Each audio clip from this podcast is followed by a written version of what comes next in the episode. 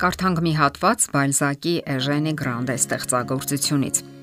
Երբ արևը հասավ պատի այն մասին, որտեղ կախված էին Վեներայի ծամերը, հաստ տերևներով եւ փոփոխվող գույներով, ինչպես աղավնիների պարանոցը, հույսի երկնային ճառագայթները Էժենիի ապագան լուսավորեցին եւ նա հաճույք զգաց դիտելով պատի այդ մասը, նրա դալուկ ծաղիկները, նրա կապույտ զանգակիկները, թոշնած խոտերը, որոնց խառնվեց մի գեղեցիկ հուշ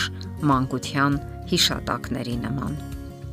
Այսպիսի պատմություն են պատմում։ Մի երիտասարդ տաղանդավոր երգչախմբի ղեկավար մոր հետ զրուցելիս հետաքրքիր բացահայտումներ է արել։ Նա պատմել է, որ ուսման եւ աշխատանքի ժամանակ մի տարօրինակ երևույթ է նկատել որ որոշ դասական ստեղծագործություններ ինքը շատ արագ է յուրացնում որպես մի հոգեհարազատ, շատ սիրելի եւ կարծես անznական մի բան։ Իսկ ահա որոշ ստեղծագործություններ պետք է ուրشادիր լսի, նույնիսկ մի քանի անգամ, որpիսի յուրացնի։ Մայրը խնդրեց, որpիսի նա գրի այդ թեթև յուրացվող ստեղծագործությունների անվանումները։ Երիտասարդը կատարեց մոր խնդրանքը։ Մայրը նայեց ցուցակին եւ լուր պահարանի դարակից հանեց մի հին զայնապնակ ու մեկնեց ворթուն։ Այդ զայնապնակի վրա այդ բոլոր թեթև յուրացող ստեղծագործություններն էին։ Ահա թե ինչ պարզվեց։ Երբ մայրը հղի էր նստում էր բասկաթոռին, ձեռքն էր վերցնում ձեռագործը կամ որևէ զբաղմունք եւ լսում այդ զայնապնակի վրայի հրաշալի դասական ստեղծագործությունները եւ տղան գտնվելով մայրական ընդերքում պարզապես յուրացնում էր այդ ստեղծագործությունները։ Սանկտ Պետերբուրգ քաղաքում ծննդատներից մեկում դրել են մի երգեհոն, որը ժամանակ առ ժամանակ օգտագործում են կատարելով որևէ դասական երգեհոնային երաժշտություն, եւ հրաշալի երաժշտությունը նշանակալի արդյունքներ է տվել։ Նվազել է մանկական մահացությունը, իսկ երեխաներն ու մայրերը դարձել են ավելի առողջ եւ ամուր։ Ճապոնիայում ստեղծվել են առանձնահատուկ բնության ոչ մեծ գեղեցիկ անկյուններ, որոնք կոչվում են մտահայեցողական այգիներ։ Այդպիսի վայրերում սովորաբար հետաքրքիր տեսարաններ են հորինում, կազմված ծառերից, քարերից ու ծաղիկներից, որոշակի գունավորումով եւ համակցումներով, որպես թե բնության բնական մի պատկեր։ Հղի կանայք օրական մի քանի ժամ այդտեղ են անցկացնում, parzapes նստելով խաղաղության ու լռության մեջ եւ վայելում են Աստծո արարչագործությունը։ Այս օրինակները կարող են ուսանելի դաս լինել նաև հայ մայրերի համար։ Ահա երեխայի ծնվելու ժամանակն է։ Դա կարելի է անվանել աղետի ժամանակ նրա համար։ Նա դուրս է մղվում մի այլ աշխարհ, որը լի է կտրուկ ձայներով եւ պայծառ լույսերով։ Նրան շրջում են պտտում, շոշափում, փաթաթում, Մինչ այդ նա խաղաղության ու հանգստի լռության մեջ էր։ Նա լսում էր միայն մոր սրտի զարկերը, որոնք հանգստացնում էին նրան սակայն այժմ այդ կապը կտրված է, թեև առանց այդ աղետի անհնար է նրա հետագա կյանքը։ Երեխայի մոտ սկսվում է յետծննդյան սթրեսը, որը կարող է վերացնել միայն մոր հետ սերտ շփումը, նրա սրտխփոցն ու ծանոթ ձայնը։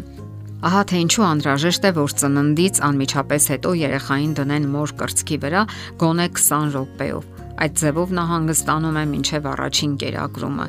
իսկ սթրեսային վիճակն անցնում է Ինչ ազդեցություն է գործում երեխայի ուղեղի վրա մորից այդ մեկուսացումը առաջին 24 ժամերին, իսկ երբեմն էլ ավելի։ Դա հերթական հարվածն է նրա հոգեկան, իսկ երբեմն էլ ֆիզիկական առողջությանը։ Առաջին կերակրումը առաջին ժամադրությունն է մոր հետ, ով օգնում է նրան գործողության մեջ դնելու իմունային համակարգը։ Կատնախեժի առաջին ճափաբաժինը այդ նպատակին ծառայող լավագույն բանալին է եւ որքան շատ բան են կորցնում այն մայրերն ու երեխաները, ովքեր չեն օգտագործում այդ առավելությունը։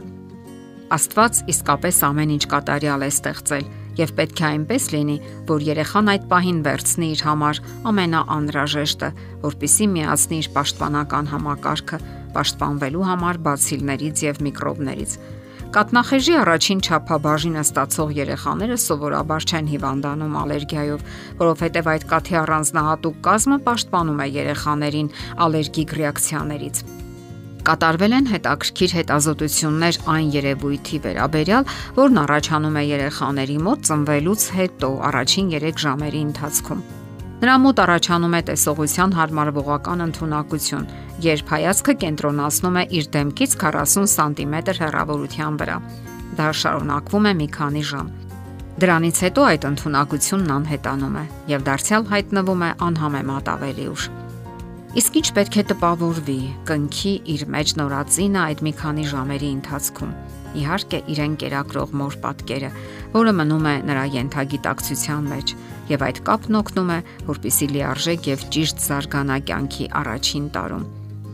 Իսկ ինչ են տեսնում այն երեխաները իրենց համար այդ առանձնահատուկ ժամերին, երբ նրանց երբեմն օրերով չեն բերում մայրերի մոտ։ Պատահում է, մայրերն են հրաժարվում իրենց հարազատ զավակներից։ Մեկ այլ հարց է, թե ինչպիսին է ներկայում սերունդների միջև կապն ու փոխհարաբերությունները։ Կարող ենք ասել, որ այսօր նոր սերունդը քիչ է կապված ծնողների հետ։ Նրանք հաճախ անգամ դաժան են ծնողների հանդեպ, ատելություն են զգում։ Բացակայում է այնքան կարևոր ներքին կապը զավակ ծնող հարաբերության մեջ։ Պատճառները շատ հաճախ հենց այդ մեխանիզմների բացակայության մեջ են Ահա թե ինչու խիստ կարևոր է հետևել այս ցուցումներին, այն մեխանիզմներին, որոնք Աստված հաստատել է ամրացնելու զավակների եւ ծնողների ներքին կապն ու փոխհարաբերությունները։